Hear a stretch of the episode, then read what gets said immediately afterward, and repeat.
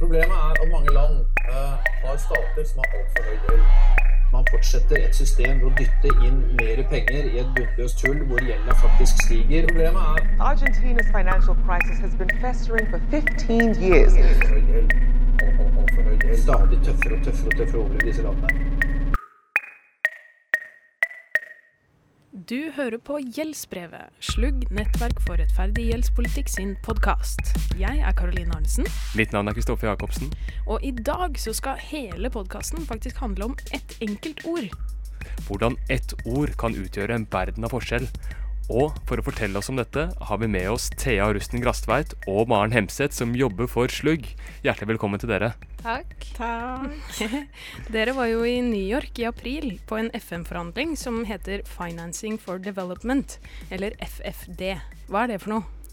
FFD er eh, FN sin finansiering for utviklingskonferanse. Eh, og i 2015 så var det den tredje konferansen i rekka i Addis i Etiopia. Eh, og der så møtes alle land for å bli enige om hvordan man kan endre de internasjonale finansreglene, sånn at man får nok penger til utvikling. Eh, og man forhandler om et sluttdokument som skal liksom følges i årene som kommer etterpå. Og i Addis så ble, ble det avtalt at man hvert år skal ha et sånn oppfølgingsmøte, eller et forum, hvor man kan liksom måle hvor langt man har kommet. Og det var det vi var på nå i New York. Ok, kult. Men uh, kan ikke du fortelle litt også hvordan, uh, i sånn, hvordan er det i sånne forhandlinger at enkeltord og detaljer kanskje har alt å si, eller i hvert fall utrolig mye å si? Eh, Når eh, alle verdens land skal bli enige om et sånn sluttdokument, som er da en avtale om hva man skal følge opp i etterkant, så betyr jo eh, hvert eneste ord veldig mye, eh, ned til det minste komma. Ja, og det forhandles jo veldig mye i forkant av et sånt møte, da. Så eh, man forhandler teksten nesten helt ferdig før man kommer dit, sånn at man ikke skal bruke all tiden på å sitte der og krangle om sånne små ord. Mm. Så på forhånd så hadde det blitt sendt ut to forskjellige utkast, eh, eller drafts som det heter på engelsk. Så det er sikkert veldig mye av, av lingoen som kommer til å være på engelsk i løpet av denne podkasten, så du får bare bære over med oss. Ja, og i det første utkastet så var det en setning som vi tenkte sånn Oi, det der blir jo Hvis det blir vedtatt, så er det veldig bra. Eh, og det var om hvordan man skal forhandle om gjeld, en såkalt gjeldshåndteringsmekanisme. Og gjeldshåndteringsmekanismer det er altså noe vi ønsker oss, fordi vi trenger en uavhengig mekanisme som kan løse gjeldskriser på en rettferdig måte, og også forhindre uansvarlig låneopptak og långivning. Stemmer ikke det, dere? Ja, det stemmer. Vi eh, i Slugg syns jo at en sånn mekanisme bør ligge under FN, eh, fordi FN er det mest demokratiske multilaterale forumet vi har, da, hvor alle land har en plass ved forhandlingsbordet. Og da ble vi veldig fornøyde når i det første utkastet så var det en setning som sa at vi forplikter oss, altså vi verdens land forplikter oss til å utforske hvordan offisielle kreditorsamhandlingsmekanismer altså gjeldshåndteringsmekanismer, kan adressere potensielt mer kompliserte framtidige gjeldskriser grunnet endringer i fremvoksende økonomier og utviklingslands gjeldskomposisjoner mer effektivt. Det det rett og slett står, er eh, at man skal forplikte seg til å få på plass en gjeldshåndteringsmekanisme, eller? Er det Ja. litt, å ta litt hardt tid, kanskje? Jo, at man skal se på liksom eh, mulige nye løsninger. Og vi leste jo det litt som at en sånn erkjennelse av at det vi har i dag, ikke er nok. Så det var jo det som gjorde oss liksom ekstra glad, selv om de ikke sier spesifikt hva som kommer til å skje. Men jeg regner med at det kommer et men her, gjør det ikke det? Ja, det gjør jo dessverre det. Fordi det utkastet ble fulgt opp av et andre utkast, et second draft. Og der hadde det sneket seg inn et ord som forandret egentlig hele meningen, nemlig 'existing'. Eller 'eksisterende', da, på norsk. Eh, så da lød jo teksten vi forplikter oss til å utforske hvordan eksisterende offisielle kreditorsamhandlingsmekanismer kan adressere gjeldskriser. Da handler avsnittet om det vi allerede har. F.eks. Parisklubben, som er en, en klubb med, med kreditorer eh, som tidligere ga mye lån, da. Eh, som nå ikke liksom Det er ikke lenger nok å løse gjeldskriser i det fora. Hvorfor er det ikke det? Nei, fordi eh, måten man låner ut på har endra seg, og hvem som låner ut har også endra seg. Eh, sånn at det er mye Det er andre kreditorer. F.eks. Eh, så er liksom Kina, Brasil, India begynt å låne ut mye. Eh, det er ikke de, de liksom standard vestlige store kreditorene som USA, Storbritannia, Frankrike, for det er de som er med i Parisklubben. Ja, og da har man jo også, når man har endringer både i hvilke land som låner ut, men også i hvilke lån land tar opp, så tar man også opp mer fra private kreditorer, og de er jo ikke med i Parisklubben. Så når man f.eks. utsteder statsobligasjoner, så blir jo ikke det håndtert der. Så man trenger liksom en, et annet forum for å kunne, be, kunne behandle all gjelden, da, for at det skal bli både rettferdig og effektivt. Så når man da fikk inn det ordet 'existing' i andreutkastet, og andreutkastet var den teksten som havna på bordet i New York, ikke sant? Ja. Altså på en måte Det var det andreutkastet som fortsatt var den aktuelle forhandlingsteksten eh, før vi dro til New York. Ikke sant. Eh, og så var det fortsatt litt åpent ja. eh, om dette var noe man kom til å klare å lande og bli enige om ja. før konferansen startet. Eller om noen av landene kom til å bryte forhandlingene fordi man var for uenig i tekstinnholdet. Så når vi dro til New York, så var det fortsatt litt åpent. Så det var litt uvisst. Så da dro vi jo til New York eh, med et håp om at eh, kanskje det fortsatt er en mulighet for å få ut igjen dette ordet 'existing'. Ja, ok. Um, mm. eh, men dere må jo bare ta oss med på reisen, da, hva dere gjorde der. Vi lander snart, da. Ja, vi lander. Men er du, er du klar for uh, den kommende uka? klar som et egg. er du klar? Ja, jeg tror det Det blir spennende. Ja. Er du klar for møllspiste vegg-til-vegg-tepper fra 60-tallet? er, det det? er det det? Ja. Jeg har aldri vært der før. Turen vår begynte jo med ganske store flyforsinkelser, men vi kom oss jo fram til New York til slutt. Hvor vi møtte en gjeng med andre organisasjoner eh, til et formøte før selve forhandlingene. Eh, I det møtet så skulle vi legge en felles strategi for hvordan vi kunne påvirke statene for å få et så ambisiøst eh, sluttdokument som mulig. Eh, og da snakka vi med Bodo Elmers, som leder arbeid med gjeld og bærekraftig finansiering i Eurodad.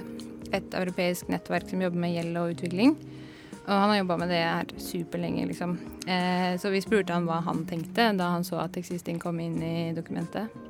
Indeed, this is a this is a classical uh, strategy to to water down elements in an outcome document. So you, it can happen that you have a very good sentence with is a quite good commitment, and then often they add a comma and they say as appropriate, which means then the whole sentence is basically worth nothing because as appropriate will mean that nothing needs to be done in total. So with one single sentence, indeed, you or with one single word added to a sentence, you can change the whole um, meaning of a of a paragraph and you can basically delete a commitment which is still standing there in well in, in, in a well, but in a completely non-binding way then. Uh, Bodo var jo uh, litt uh, deppa over prosessen, sånn som vi også hadde følt, da, og mente at det var typisk for den typen internasjonale prosesser at teksten vannes ut og blir mindre og mindre ambisiøse, slik at alle land uh, kan være enige. Hva sa, hva sa Bodo om existing? Han snakka veldig fort og kanskje litt utydelig. Men nei, han sa bare at det ofte skjer, og at man får inn et ord sånn. Jeg tenkte kanskje vi kunne intervjue han der òg. Eh, han godeste Han Michael? Ja. ja. Nei, han andre. Jørgen? Nei, Erik. Oh, ja, han der, ja. han amerikaner. Vi hooka altså tak i en amerikaner som heter Eric LeConte, og han var ikke like deppa som Bodo. Eh, og han løftet blikket vårt litt, da. Yeah. we're, we're here at another UN negotiation, this time for the financing for development. And these kinds of gatherings are really important, uh, even though a lot of people don't really understand what's happening. They're important because uh, it, there are moments that the whole international community comes together to deal with the causes of poverty, the structural causes of poverty. Uh, and we know that poverty is something that's created around the. Det er jo sant. I det store og det hele er det at verden i det hele tatt møtes for å diskutere hvordan vi skal finansiere utvikling, eh, det er veldig viktig. Eh, men mer interessant ble det da vi spurte han om detaljene, om ordet 'existing'. A single word like this can change an outcome document. At the same time, even though we see this word existing, uh, being put in, and we think it's been put in for some nefarious purposes, uh, I think we also have to understand that there actually is existing work from the United Nations General Assembly uh, on moving forward a bankruptcy process. Det han om, er at det faktisk eh, finnes noen eksempler på eksisterende arbeid på gjeldshåndteringsmekanisme. Eh, fordi FNs generalforsamling vedtok i 2015 en resolusjon som skulle lede opp til en ny mekanisme. Men oppfølgingen ble boikottet av de aller fleste vestlige land, eh, til tross for at flertallet av land stemte for. UNCTAD har også utarbeidet et forslag til hvordan en mekanisme kan bygges opp. Og det finnes flere forslag fra sivilsamfunn og akademia. Så existing kan kanskje bety mer enn bare Parisklubben. Eh, men Eric er jo, eh, som mange andre amerikanere, en evig optimist. Eh, så hans tolkning kan jo kanskje være å ta litt hard tid. I mean, the reality is, is you know, um, we can spin the existing language to mean Yeah. a lot of different things. Vi brukte resten av formøtet til å legge strategi sammen med de andre organisasjonene, og vi fikk etter hvert et bilde av hvordan vi skulle jobbe når konferansen begynte neste dag. Eh, og så gikk vi og la oss eh, slitne og jetlagde. Og våkna og jetlagde.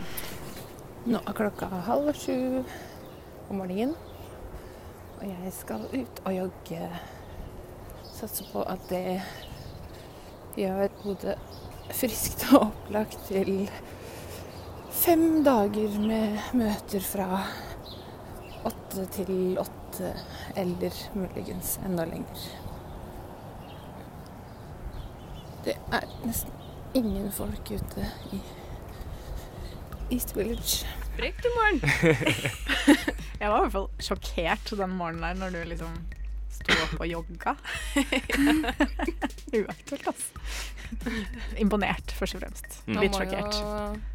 Eh, finne på noe å bruke tiden på når man våkner så tidlig. Ja, Mm. det er sant. Men så begynner altså selve FFD-konferansen. Dere skulle da på en måte ta med dere det ordet som dere på en måte kom dit for, og så tok dere det med videre inn i møtene, gjorde dere ikke det? Ja, så vi snakka jo med så mange som mulig om existing, da. Men vi tok også noen sånne slags strategipauser hvor bare jeg og Thea prøvde å liksom finne ut av eh, om vi hadde kommet noen vei med å fjerne ord eller ikke, da, og oppdaterte hverandre. Hva tenker du om det han eh, Eric LeCompte som intervjua sa i går, da?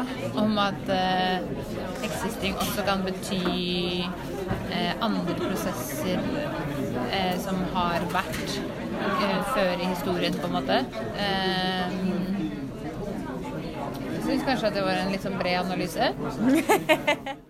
Det mest nærliggende er å tenke at ordet refererer til arbeidet i Parisklubben, men det er jo en fristende tanke, da. Men samtidig så føler jeg jo også at liksom, Jeg skjønner jo hva Eric mener i den forstand at han er veldig god på å være liksom opportunistisk på å fylle begreper med nytt innhold. Eller liksom reframe en diskusjon. Og jeg føler at det er jo en veldig stor kunst på en måte i sånne forhandlinger, fordi alt handler jo om på en måte hva man fyller de begrepene med. Og hvis man klarer å liksom kuppe samtalen om hva det begrepet refererer til, eller fylle den med noe nytt, da. Så sånn sett så er jeg jo enig med han at liksom, ok, hvis ikke vi får ut existing, så kan vi fylle existing med noe nytt, da. Ja. For det er mer enn Parisklubben som er existing. ja. Det jo Eh, det høres jo bra ut, men det ble kanskje litt svevende for oss, så vi fortsatte lobbyarbeidet vårt. Eh, og da eh, traff vi statssekretær Jens Frølich Holte. Dette møtet var jo så eh, eksklusivt og spennende at vi ikke kunne ta noe opptak. Em, Men eh, jeg fikk tatt en prat med han rett etter at han kom hjem igjen, så seinere i episoden så skal vi høre litt fra han. men vi fikk eh, tatt opp en samtale med en annen veldig viktig fyr. Husker du hvem det var som fikk inn ordet 'existing'? I, når det gjelder gjeld. FFD ja. sluttdokumentet nå.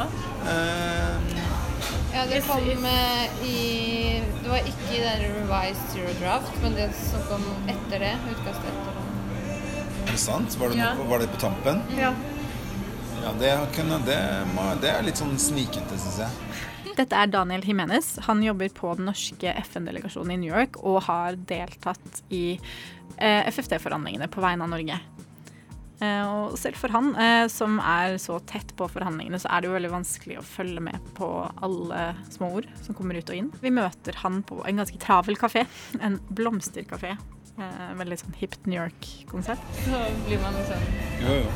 Nei, men det er jo ofte, som, som du nevnte, da, altså, det er jo en av kreditorlandene helt klart som har vært ubekvemme med, med hvordan det har vært omtalt. Ja. Og så vil man ha inn existing for ikke kunne liksom åpne, for eh, enorme, store, farlige nye tiltak da, som de syns er vanskelig å forholde seg til.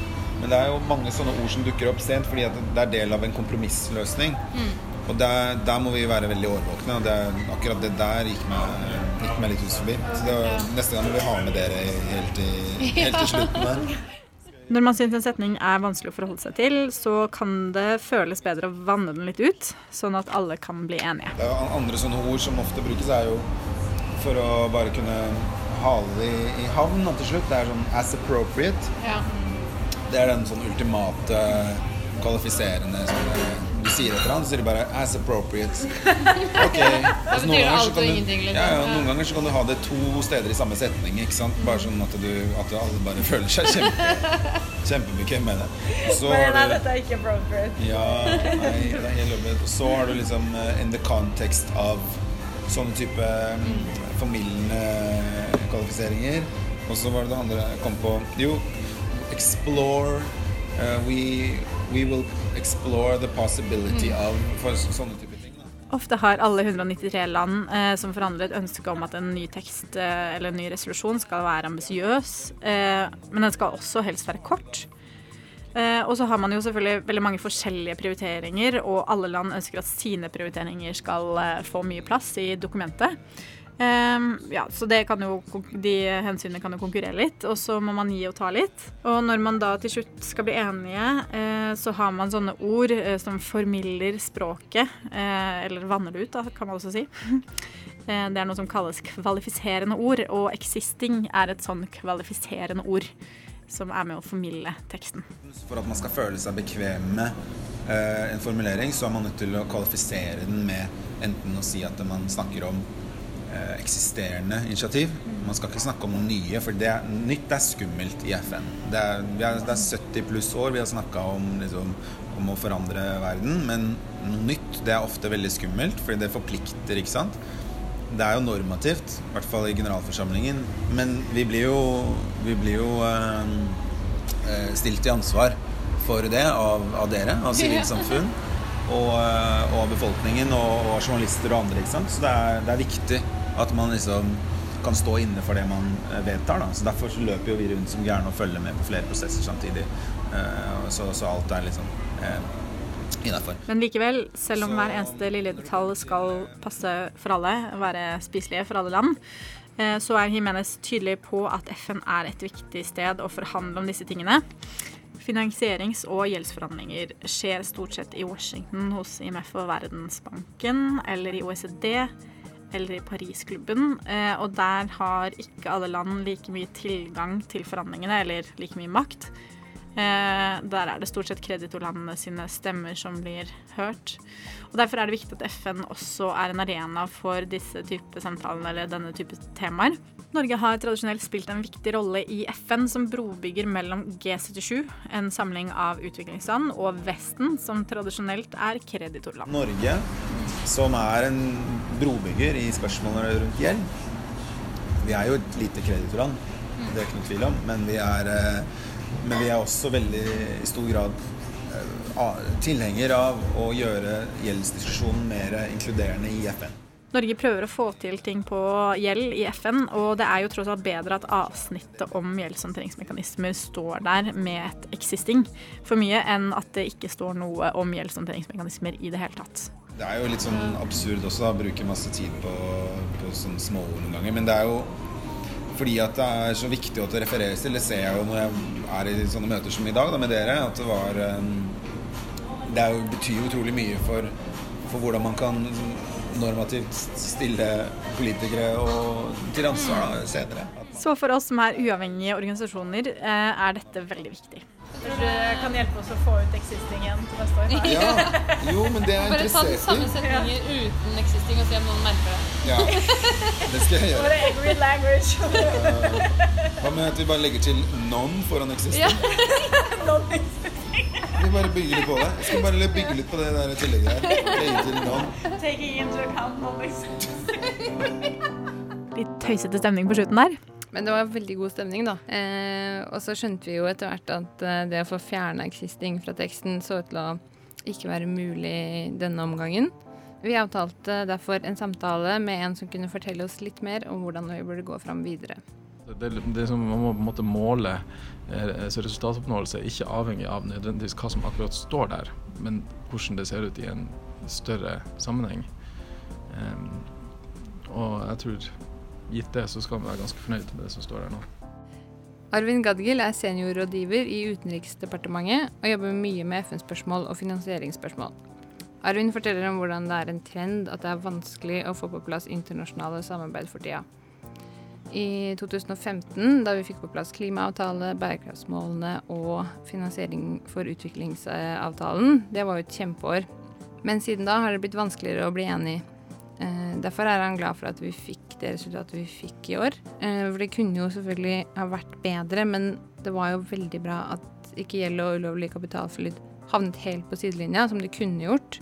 Det fikk jo tross alt ganske mye plass. Men det er jo de små årene som betyr noe. Eh, så, eh, så på Det kan, kan virke veldig tilfeldig eh, når man ikke enten kan det eller har fulgt med på det, men det er ofte mm, Og det er ofte ikke helt åpenbart hva folk leser i betydning av et ord. Men, men det kan det bli gjennom forhandlingsrunder. Da forstår du at, at de som sitter på andre sida av bordet, leser noe helt annet i det ordet enn det, enn det du har gjort. Derfor er det jo bra at man møtes og forhandler eh, i FN i New York, fordi da kan man forstå hverandre bedre, og kanskje etter hvert møtes i forståelsen av en tekst. da. Så, så det, da kan man, bli, kan man på en måte bli enig uten å nødvendigvis være 100% enig. Så det finnes den type ord også som det, måte de, det er praktisk eh, for alle parter å eh, ha en tilsynelatende enighet som ikke reelt sett er der. Eh, men, eh, og det kan være forhandlingsteknisk veldig lurt, fordi da slipper du at liksom en hel tekst bryter sammen pga. et ord. Vi spurte han om det som Eric LeCompte, den evige optimisten, sa. Eh, om vi kan tolke existing til å bety veldig mye av det arbeidet som har blitt påbegynt eh, allerede. Man må ikke være uærlig i en sånn sammenheng. Det går ikke. Da bryter multilaterale systemet sammen, hvis man liksom tolker det for bredt. Eh, og da er det heller ingen poeng å drive og forhandle lenge om de her begrepene, for da, da, da betyr det jo i bunn og grunn ingenting. Så man må jo forholde seg til det, eh, det som står der, og det som det er naturlig å anta at folk mener med det. Så det er egentlig ikke så mye rom til å være fryktelig kreativ. Eh, det bør ikke være det. Um, eh, det, det er mange ja, hvis, hvis man åpner en sånn boks, så er det altså på veldig mange andre politikkområder eh, kanskje enda farligere. Eksempel kan det jo være farlig hvis vi plutselig vil tolke noe nytt inn i ordet krig, som jo nevnes i veldig mange FN-dokumenter. Hvis alle skal få bestemme selv hva de legger i det ordet, kan jo verden få store problemer. Altså, som Norge i alle fall, så skal, skal ikke vi eh, spekulere i uklar tekst.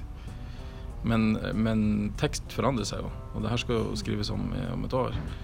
Så eh, det, det er jo ikke umulig å få endra noe. Så hvis man klarer ikke sant, å skape en forståelse at man trenger en ny, ny mekanisme eh, innen eh, ja, februar-mars neste år, så eh, vil det ordet 'existing' kunne tas ut.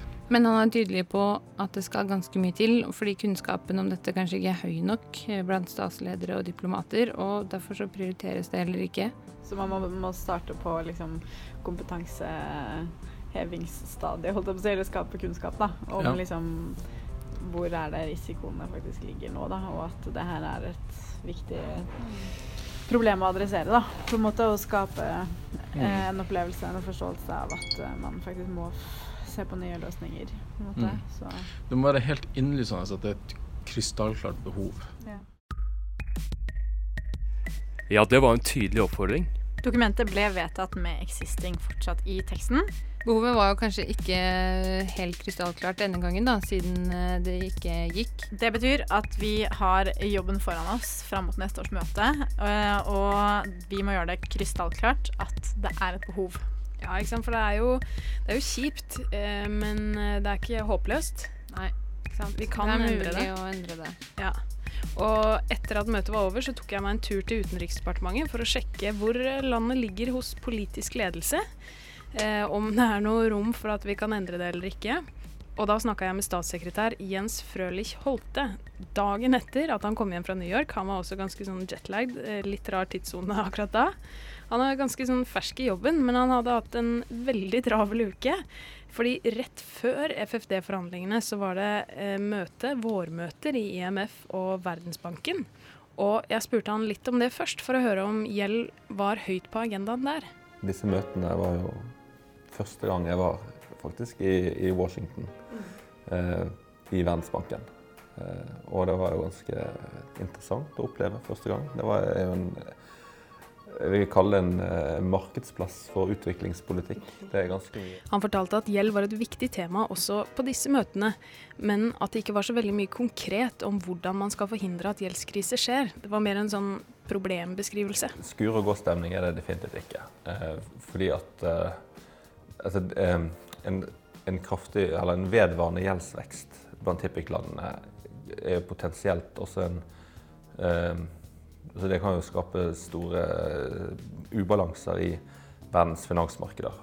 Så det er en, det er en veldig altså det, En varsellampe har begynt å blinke litt her. Han forteller at hvis et land nå havner i gjeldskrise, så vil det være vanskeligere å løse opp i enn tidligere. Fordi det er nye land som har blitt store kreditorer, og private banker er også mer på banen. Eh, Men på gjeldsfronten så er det jo rimelig sånn stabilt nå. Så det, har, det er for så vidt et vindu å, å gjøre noe, men, det, det, men appetitten der ute er ikke veldig stor. Så det, det vi prøver å fokusere på, er å få långivere og låntakere til å være mest eh, mulig ansvarlige. Når jeg spør om FN som arena for å få på plass en ny gjeldshåndteringsmekanisme, så er han litt tvilende. Ja, det, altså det er ikke Det er ikke veldig aksept for det, rett og slett. Og det er i hvert fall eh, vår vurdering. Jeg spør om Norge vil være frampå og bære gjeldsfanen videre i framtidige prosesser i FN. Vi skal absolutt bære gjeldsfanen. Eh, nå er det klart at nå har jo vi, Norge har gjort veldig mye bra, eh, vil jeg si, gjennom mange tiår. Må fjerner 'existing' igjen, for teksten er så fin. Tekst, lille, bortsett fra det lille ordet. Ja, ja vi, altså, vi, vi, prøver jo, men det er også grenser for hva som går an i, i det store FN. Ja. ja. Er det ikke irriterende? Jo da, ja. Men, men, ja. men FN er det beste vi har. Så det må vi hegne om. Det sånn er det å jobbe. Altså det, sånne multilaterale organisasjoner er På sitt verste er det ekstremt frustrerende. På sitt beste så går verden langt, mange steg fremover. Og siste Parisavtalen eh, i 2015, det var, det var en seier for det multilaterale systemet. Eh, og så kan du kanskje si at på, på gjeld så går det litt tregere. Men det Så vi, vi, kan, vi får håpe at, at uh, som jeg av og til sier, at, at verden går fremover resolusjon for resolusjon. Så kanskje neste års resolusjon blir det en liten existing mindre. Det får vi se. Tusen takk for at dere kom i studio til oss, Maren og Thea. Og for at dere hadde med veldig mye deilige lydklipp i bagasjen. Bare hyggelig. Jeg har i hvert fall lært utrolig mye om hvordan man forhandler eh, fram verdensforandring i FN, eller også hvordan man beholder optimismen i dette her, fordi det er jo mye arbeid igjen, og vi håper jo at neste år at vi kanskje får da i hvert fall fjernet ordet. Ja, og det, jeg syns på en måte at uh, Jens Frølich Holte satte ordet veldig godt på det. At liksom verden går framover, resolusjon for resolusjon. Ja. og at neste år kanskje en liten existing mindre. Ja, det hadde vært veldig bra. Tusen takk for at dere hørte på Gjeldsbrevet. Dette er Slugg, nettverk for rettferdig gjeldspolitikks podkast. Mitt navn er Kristoffer Jacobsen. Og jeg er Karoline Arnesen. Du kan høre masse tidligere episoder på Soundcloud eller i iTunes eller i eh, podkastappen din. Eh, så det anbefaler vi, å gå ut i finværet. Nå er det i hvert fall veldig fint vær her. Gå ut i finværet og høre på litt eh, podkast. Ingen unnskyldning til å ikke binge alle podkastene. Eh, og du må også huske å følge Slugg på Facebook og Twitter. Og sikkert andre sosiale kanaler som vi ikke har oversikt over her i studio akkurat nå. ja. Tusen takk for oss. Vi høres. Det gjør vi.